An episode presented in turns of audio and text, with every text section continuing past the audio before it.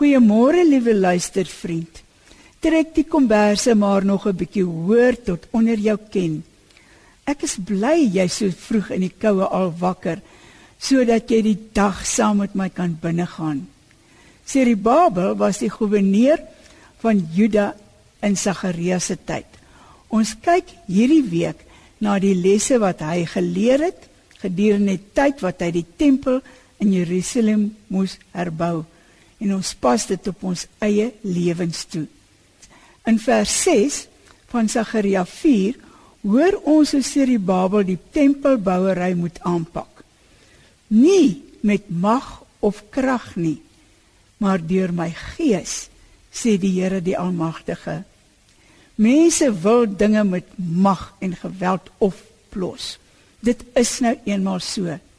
Serubabel is 'n ware man in murg en bloed met baie vermoëns, gereed en toegerus vir die taak wat voor hom lê.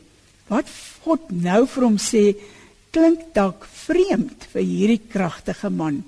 God laat hom verstaan dat hy nie deur middel van menslike magsmiddels die tempel sal herbou nie Die taak wat so groot en onmoontlik gelyk het, sal voltooi word. Wel nie soos hierdie Babel dit beplan het nie, maar deur die werking van God se Gees. As 'n mens vir God leef, moet jy nie vir jouself en op jouself vertrou nie, maar op die Gees wat in jou werk. Wat 'n moeilike les om te leer. Vir my en seker vir jou ook. Dalk voel jy oorgehaal, toegerus en gereed.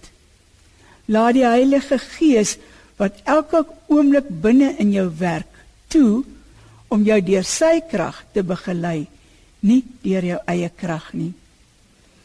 Dit kan ook wees dat jy so graag 'n sekere taak sal wil aanpak, maar jy's te swak en jy voel nutteloos. Jy dink dalk jy's nie slim genoeg nie. Nie gewild genoeg nie. Jy's maar net 'n swakkeling. Ek het goeie nuus vir jou.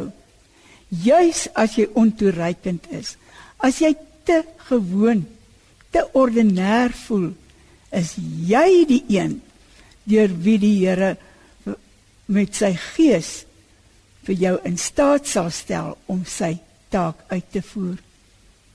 Here, Dankie dat u vir my sê my krag word in swakheid vervul. Amen.